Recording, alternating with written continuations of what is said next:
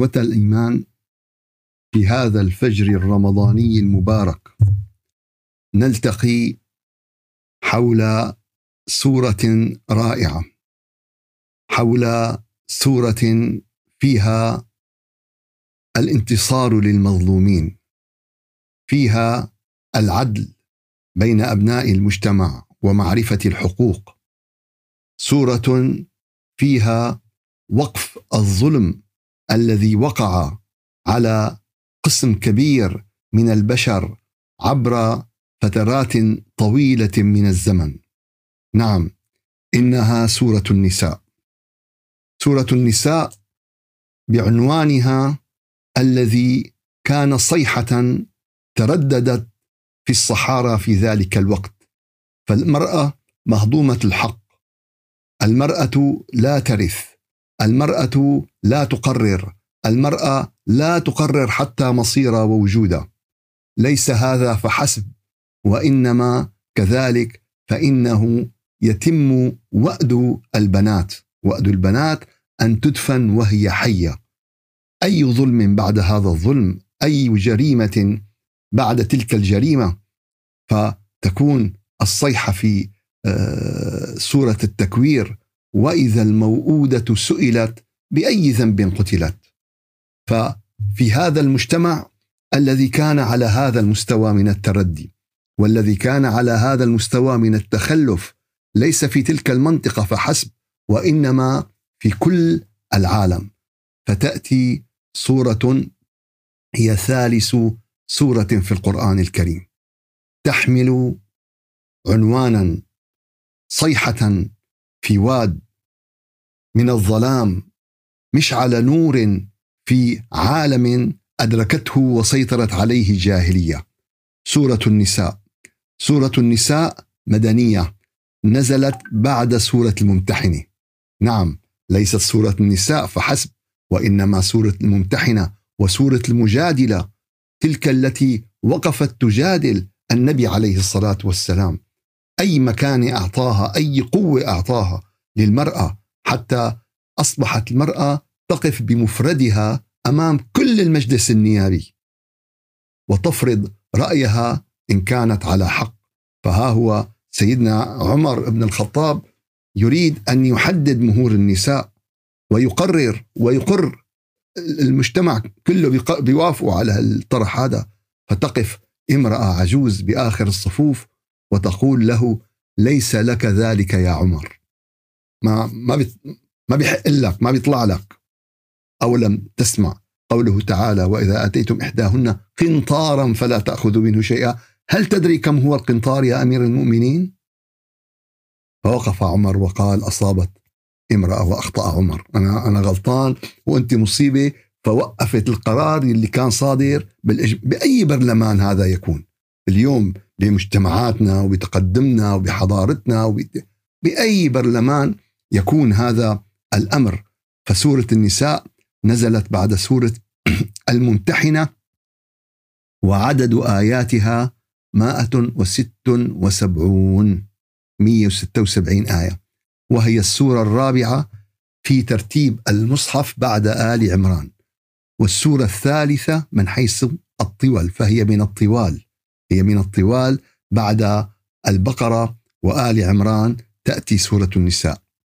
هي سورة العدل والرحمة خاصة مع الضعفاء.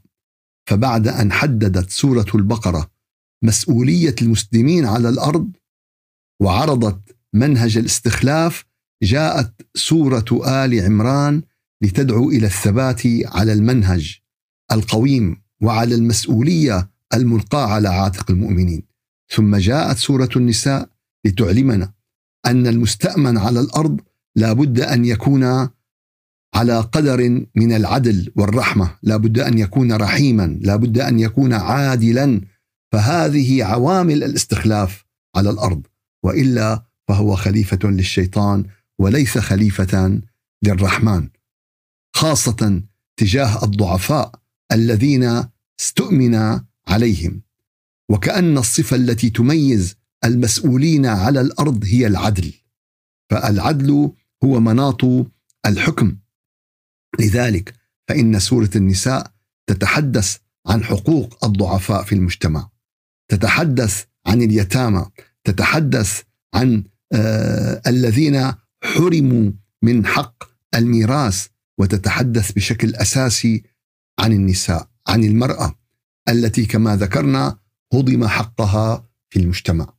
فكما أسست سورة البقرة للمنهج وهيأت أسست للموضوع.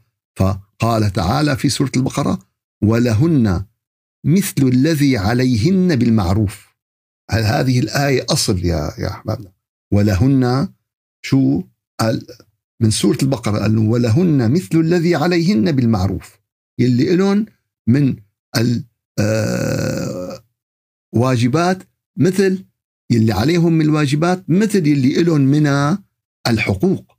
حتى أن الشارع الكريم ذهب أكثر وأكثر وأكثر وقد وعى المؤمنين رسالة السماء. فها هو النبي عليه الصلاة والسلام يقول في وصيته النهائية استوصوا بالنساء خيرا. استوصوا بالنساء خيرا فهي الأخت وهي الأم وهي الزوجة وهي الابنة وهي فهي أكثر من نصف المجتمع حتى أنه أكثر من ذلك. ها هو النبي عليه الصلاة والسلام حينما يسأله أحد أصحابه ويقول يا رسول الله من أحق الناس بحسن صحابتي؟ مين أكثر أشخاص لازم أنا دير بالي عليهم لازم أنا صاحبهم لازم أنا؟ فقال له النبي أمك. أمك ثم من يا رسول الله؟ ثم أمك. ثم من يا رسول الله؟ ثم أمك. ثم من يا رسول الله؟ ثم أباك. يعني معلش يعني ما حصلنا برونزية. ما حصلنا شو؟ برونزية يعني يعني أخذوا الميدالية الذهبية والميدالية الفضية والميدالية البرونزية. أمك ثم أمك ثم أمك. ما هذا أمر سيدنا النبي عليه الصلاة والسلام. على رؤوسنا وهذه رسالة السماء فكذلك تحدثت الآية عن حقوق الأقليات غير المسلمة التي تعيش في كنف الإسلام وعن حقوقها بالإضافة إلى التوجه إلى المستضعفين أنفسهم وكيف ينبغي عليهم التصرف في المواقف المختلفة. كل هذا أضاف إليهم الحديث عن ابن السبيل عن عن ابن السبيل هذا الإنسان العابر الذي بحاجة إلى دعم بحاجة إلى مساعدة. وعن الوالدين وكيف يجب أن يعاملوا. فهي سورة الرحمة وسورة العدل. يتكرر في كل من آياتها ذكر الضعفاء والعدل والرحمة بشكل رائع. فحافظ على حقوق الأيتام. لا يعني أن الإنسان الضعيف أنه غير مفيد للمجتمع. أو لا هذا الإنسان الضعيف إذا حميته وأعطيته حقوقه ستجد منه العجب العجاب. فهؤلاء الأيتام هؤلاء الأيتام الذين رعتهم سورة النساء وحمتهم سورة النساء وأمرت بالحفاظ على حقوقهم وآتوا اليتامى أموالهم ولا تتبدلوا الخبيث بالطيب. فهؤلاء الأيتام خرج منهم محمد رسول الله صلى الله عليه وسلم سيد الخلق والبشر. هؤلاء الأيتام الذين حمتهم سورة النساء ورعتهم سورة النساء بينت هذا الأمر. كل هذا يا أحبابنا يبين لنا أن هذا القرآن تنزيل من رب العالمين. أن هذا القرآن قول الله عز وجل من فوق سبع سماوات فهو الذي خلق اليتيم وهو رحيم به وهو الذي خلق المرأة وهو رحيم بها ويراعي حقوقها ويدافع ويدافع عنها وكل من يخالف ذلك فحسابه يوم القيامة عسير. لذلك بعد كل هذه الأمور كان لابد أن تكون المقدمة في آه هذه السورة بمنتهى الروعة ومنتهى الدلالة. بعد أعوذ بالله من الشيطان الرجيم. بسم الله الرحمن الرحيم. يا أيها الناس يا أيها الناس اتقوا ربكم. يا أيها الناس اتقوا ربكم الذي خلقكم من نفس واحدة وخلق منها زوجها وبث منهما رجالا كثيرا ونساء واتقوا الله الذي تساءلون به والأرحام إن الله كان عليكم رقيبا. فهذه الافتتاحية القوية هذه الافتتاحية التي تحتاج صدقوني إلى محاضرات ومحاضرات. والله والله لن يكفي. تحتاج إلى محاضرات ومحاضرات. ابتدأت اتقوا ربكم. اتقوا ربكم بالأرحام. اتقوا ربكم بالنساء. اتقوا ربكم بالضعفاء. اتقوا ربكم باليتامى. اتقوا ربكم بالأقليات. هم بشر خلقهم الله عز وجل. اتقوا ربكم في كل صغيرة وكبيرة. نداء من السماء إلى أهل الأرض. ليكن شعاركم التقوى. فلا بد من هذا الأمر ولا بد من هذا الطرح لنقف على حقيقة التقوى. فالله عز وجل يخاطبنا يا أيها الناس. هل هو هل هو خطاب للمسلمين؟ هل هو خطاب للأمريكان، للعرب، للهنود، لس يا أيها الناس all human كل human kind كل جنس البشر كل ابن آدم امرأة رجل طفل يا أيها الناس. والجواب لبيك اللهم لبيك. والجواب سمعنا وأطعنا. يا أيها الناس اتقوا ربكم. فالتقوى الحقيقة من أكثر الكلمات ورودا في القرآن الكريم. وردت ومشتقاتها فيما يقرب عن 300 موضع. 300 موضع. هذا بيدل على إيش؟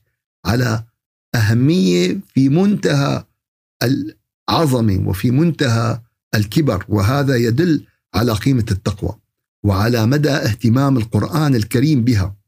فهي قطب رحى هي حجر أساس يبنى عليها هذا الدين.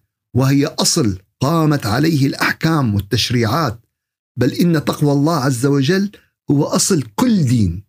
يعني أصل كل دين ووصية كل نبي أرسله الله.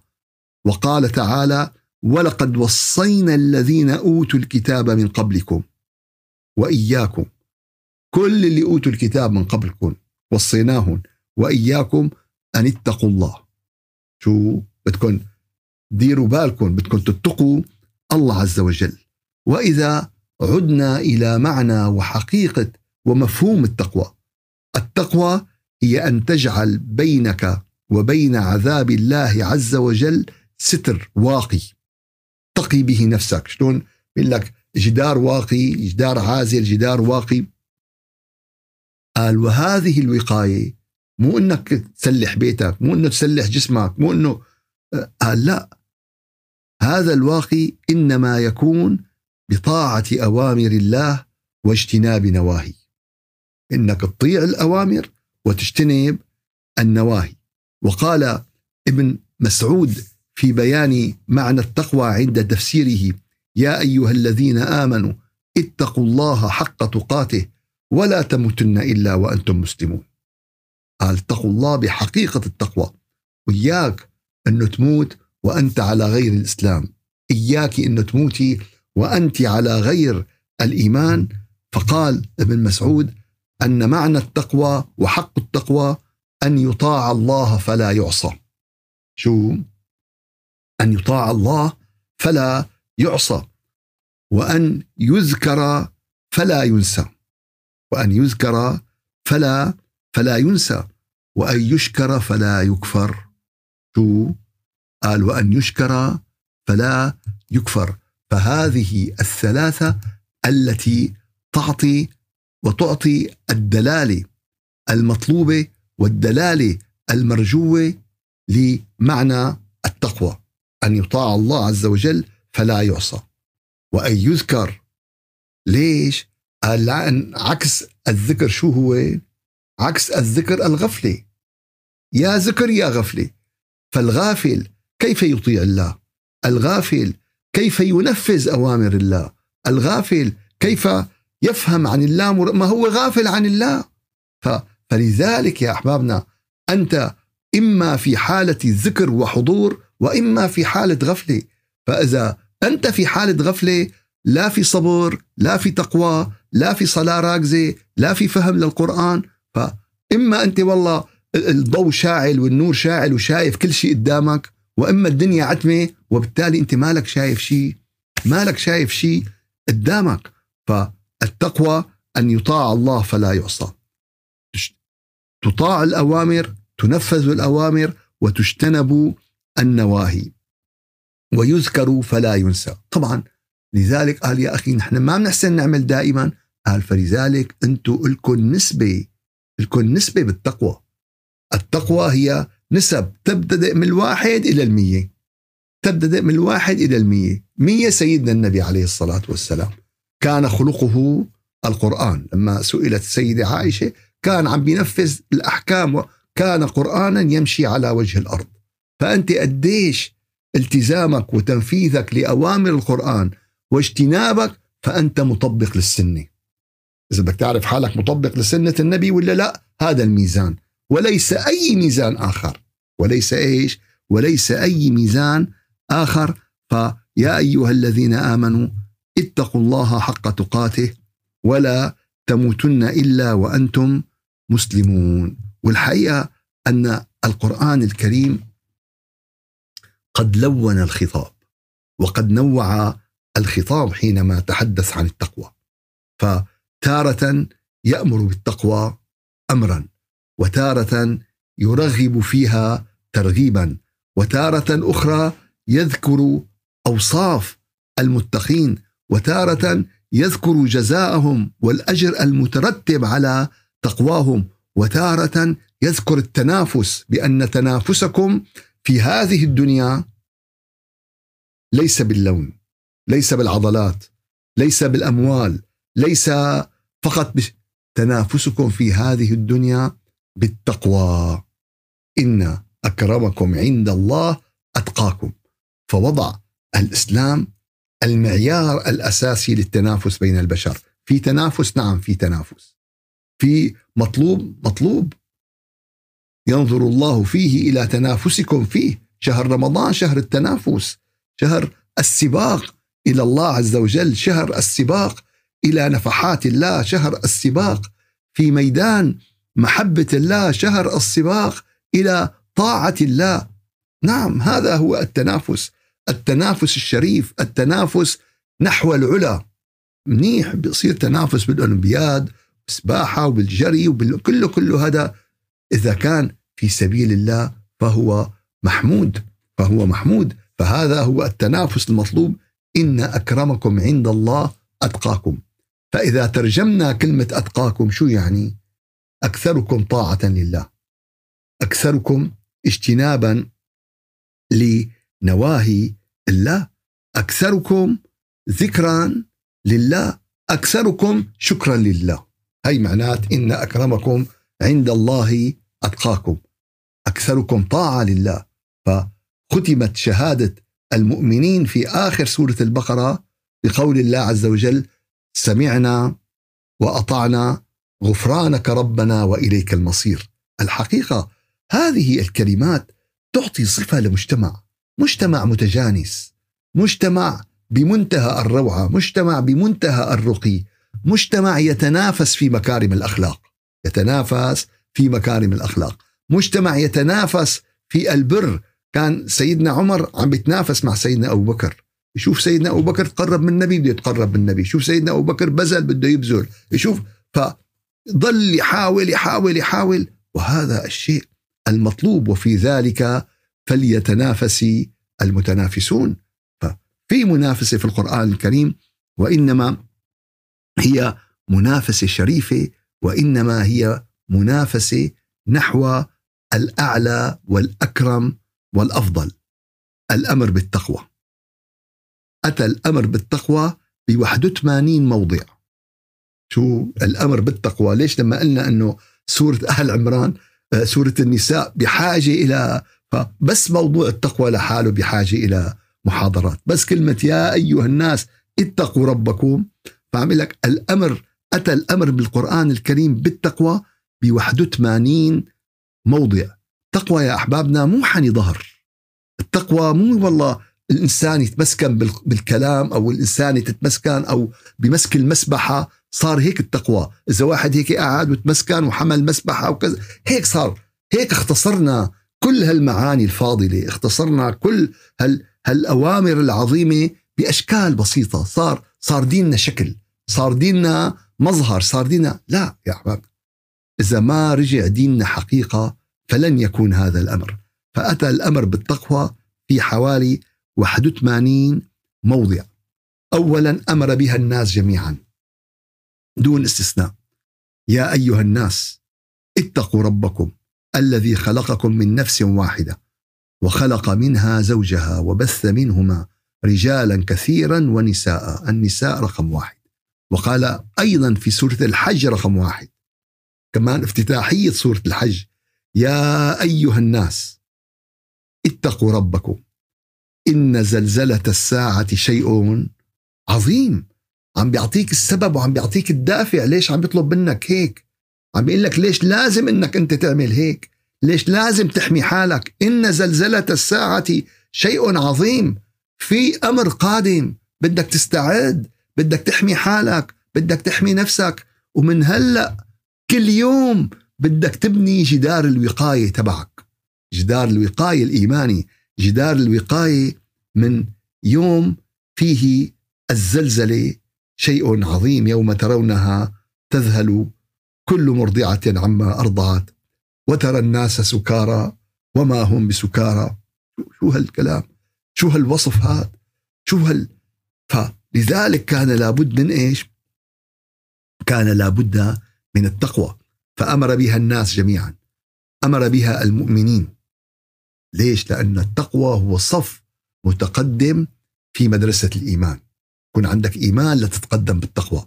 إذا ما عندك إيمان بده يكون عندك معرفة يا أيها الذين آمنوا اتقوا الله حق تقاته. هون درجة أعلى اتقاء حق التقوى. ولا تموتن إلا وأنتم مسلمون. آل عمران 102 وقوله يا أيها الذين آمنوا لا تقدموا بين يدي الله ورسوله واتقوا الله إن الله سميع عليم. ليس هذا فحسب. أمر بها الناس جميعا. أمر بها المؤمنين. أمر بها النبي عليه الصلاة والسلام. وهذا من أكبر الأدلة على أهمية التقوى حيث أمر بها أشرف الخلق وأكرم الأنبياء. قال تعالى يا أيها النبي اتق الله. الله أكبر. ويقول لك القرآن من عند مين؟ من عند محمد. ما في عقل. يعني اللي بيحكي هالكلام هذا لا فتح القرآن ولا أرى القرآن ولا فهم القرآن ولا شعر بالقرآن ولكن ظالم لنفسه وظالم لغيره بأن حرم نفسه من هذا الخير وهذا النور وهذا العطاء. يا أيها النبي اتق الله ولا تطع الكافرين والمنافقين. إن الله كان عليما حكيما. فأوعى أنت تفكر تطيع الكفار تطيع المنافقين بقصد إنه والله تجيب الخير تجيب المنفعة تعمل مصلحة دي. لا اتق الله. الله أولى أن تتقيه. فبدك تنتبه لتحركاتك بدك تنتبه لمواقفك وطبعا هذا خطاب للنبي عليه الصلاة والسلام وخطاب لكل من يأتي بعد النبي عليه الصلاة والسلام. كذلك الأمر. أمر بها الأمم السابقة. على لسان انبيائه كل الأمم السابقة كان عندهم هذا الأمر بالتقوى لذلك كانت التقوى هي المعول عليه بالتنافس بين كل أصحاب الأديان السابقة. كلياتهم سيتنافسون بتقوى الله عز وجل. وكل كلهم بده يدخلوا جنة وحدة. أتباع سيدنا نوح وسيدنا إبراهيم وسيدنا عيسى وموسى وأتباع سيدنا سيدخلون جنة واحدة نفسها. فلذلك بده يكون في معيار معيار يضبط ليش هذا دخل هون وهذا دخل هون وهذا ده. بده يكون معيار. هذا المعيار إن أكرمكم عند الله أتقاكم. فلذلك كل الأنبياء وصوا أقوام بالتقوى. فها هو سيدنا نوح عليه السلام. كذبت قوم نوح المرسلين. إذ قال لهم أخوهم نوح أخوهم نوح. ألا تتقون هدول الكذابين الكافرين اللي بدهم شو قال لهم أخوهم؟ بدنا نكون لطفاء بدنا نكون مبشرين ما نكون منفرين. بدنا نكون أطباء ما نكون قضاة لا للمجتمع اللي حولنا ولا ناس اللي حوالينا ولا مع الكل. هذا تعاملنا. كذبت عاد المرسلين إذ قال لهم أخوهم هود ألا تتقون؟ إذ قال لهم أخوهم نوح ألا تتقون؟ إني لكم رسول أمين فاتقوا الله وأطيعون. الشعراء 105 ل 108 وكذلك هود عليه السلام كذبت عاد المرسلين. عاد هم قوم هود. إذ قال لهم أخوهم هود يعني لاحظوا يا أحبابنا المنهج القرآني المنهج الرباني واضح صريح ما قال هنيك صدفة مع قوم نوح كمان عاد مع قوم هود إذ قال لهم أخوهم هود شو ألا تتقون؟ إني لكم رسول أمين فاتقوا الله وأطيعون. نفس العبارة نفس المنهج. الشعراء 123 126 وها هو نبي الله صالح الذي أرسل إلى ثمود. وإن ربك لهو العزيز الرحيم. كذبت ثمود المرسلين. لاحظوا بقول لك كذبت المرسلين هن كذبوا بس صالح. بس إذا كذبوا نبي واحد كأنهم كذبوا كل الأنبياء. لأن كلهم أساتذة من مدرسة السماء.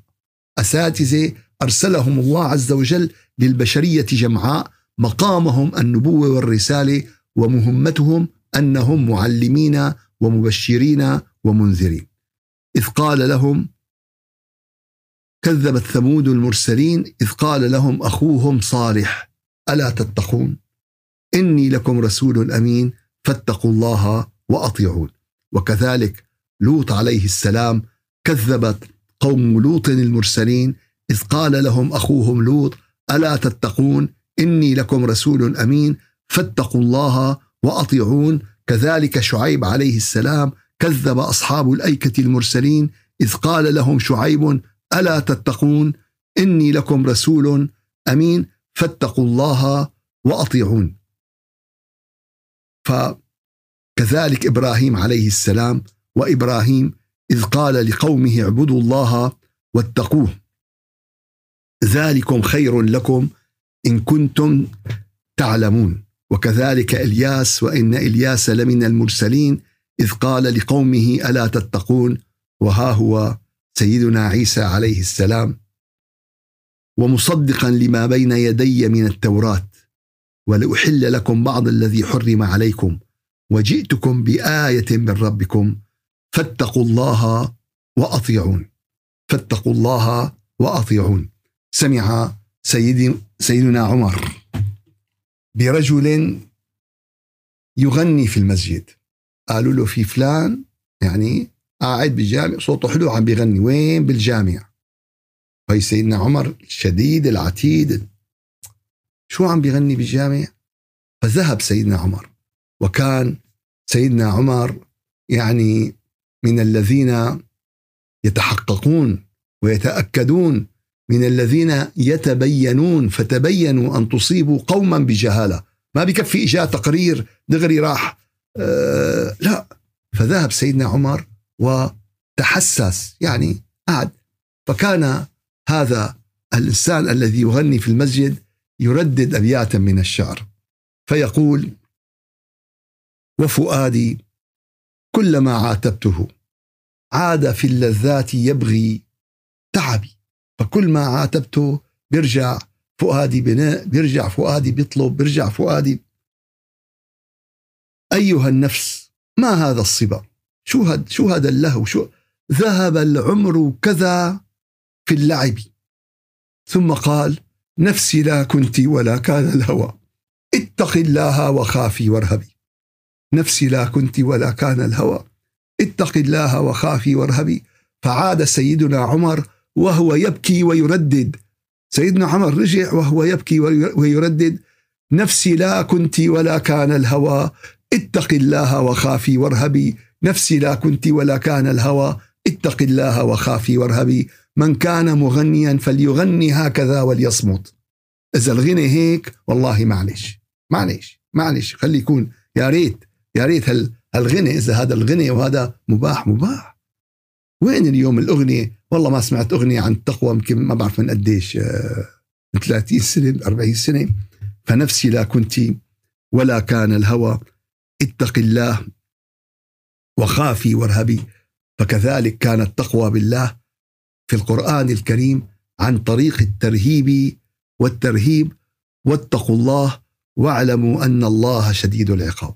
الحقيقة كما ذكرنا بحث التقوى هو حديقة رائعة، هو حديقة رائعة. إن شاء الله سنأتي عليها بالتفصيل آه، بأوقات أخرى فهي من الأساسات التي يجب أن نتنبه إليها والتي يجب أن نعيها والتي يجب أن نعرض أنفسنا عليها. اليوم يا أحبابنا الافتتاحيات اللي عم ناخذها هي محطات لبناء إيمانك لبناء إيمانك لأن تعرف أن هذه محطات موجودة على الصراط المستقيم. اهدنا الصراط المستقيم؟ تمام. قال أنت ماشي شايف سيارتك قديش فيها وقود قديش فيها بطارية قديش كله واضح عندك. قديش السرعة كل شيء. وكذلك الأمر إذا أجينا سألناك يا ترى أنت قديش استعدادك بمادة الصبر؟ قال ما بعرف. طيب أنت قديش استعدادك بمادة التقوى؟ مادة التقوى قديش بتجيب فيها؟ قال والله ما بعرف. قديش؟ ف يعني يجب أن ندرك أين نحن.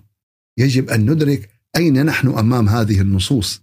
يجب ان أن ندرك وجودنا فحاسبوا أنفسكم قبل أن تحاسبوا وزنوا أعمالكم قبل أن توزن عليكم. وشهر رمضان هو شهر التقوى. كتب عليكم الصيام كما كتب على الذين من قبلكم قال ليش؟ قال لعلكم تتقون. فهذا تطبيق عملي بشهر الصيام أنت تدخل بمدرسة التقوى. رب العالمين دخلنا كل الصائمين في مدرسة التقوى. قال لعلكم ليش؟ قال حتبدأ بهذه المدرسة. حتاخذ الصبر تتسلح بالصبر. هذا الصبر الذي سيعينك على تطبيق الأوامر على اجتناب النواهي إلى أن ترتقي وترتقي وترتقي في مدرسة التقوى حتى تصل إلى درجات عالية وراقية. واتقوا الله ويعلمكم الله. شو؟ تدخل بقى بمدرسة بمنتهى الرقي ومنتهى العلو. اللهم أعنا على أن نكون من المتقين بحقيقة التقوى. يا رب أعنا على ذكرك أعنا على شكرك أعنا على عبادتك. سلمنا لرمضان سلم رمضان لنا تسلمه منا وتقبل سبحان ربك رب العزة عما يصفون وسلام على المرسلين والحمد لله رب العالمين. إلى شرف النبي وأرواح المؤمنين. الفاتحة. أعوذ بالله من الشيطان الرجيم. بسم الله الرحمن الرحيم. اللهم أعنا على دوام ذكرك وشكرك وحسن عبادتك ولا تجعلنا يا إلهنا يا مولانا من الغافلين. اللهم أرنا الحق حقا وارزقنا اتباعه وأرنا الباطل باطلا وارزقنا اجتنابه. يا رب العالمين. يا رب العالمين حققنا بحقيقة التقوى. وأنت القائل اتقوا الله حق تقاته. يا رب اجعلنا من المتقين حقيقة التقوى. يا رب العالمين يا رجاء السائلين اجعل اجعلنا من الذين اتقوا الله ويعلمهم الله. يا رب العالمين يا رجاء السائلين سلمنا لرمضان وسلم رمضان لنا وتسلمه منا متقبلا. لا إله إلا أنت سبحانك إنا كنا من الظالمين. لا إله إلا أنت رب السماوات السبع ورب العرش العظيم. لا إله إلا أنت. خالق كل شيء اغفر لنا ارحمنا اقبلنا اهدنا اغننا عافنا واعف عنا. وعاف أبناءنا واعف عنهم. وعاف أحبابنا واعف عنهم. بفضلك وجودك ورحمتك والحمد لله رب العالمين. الفاتحة.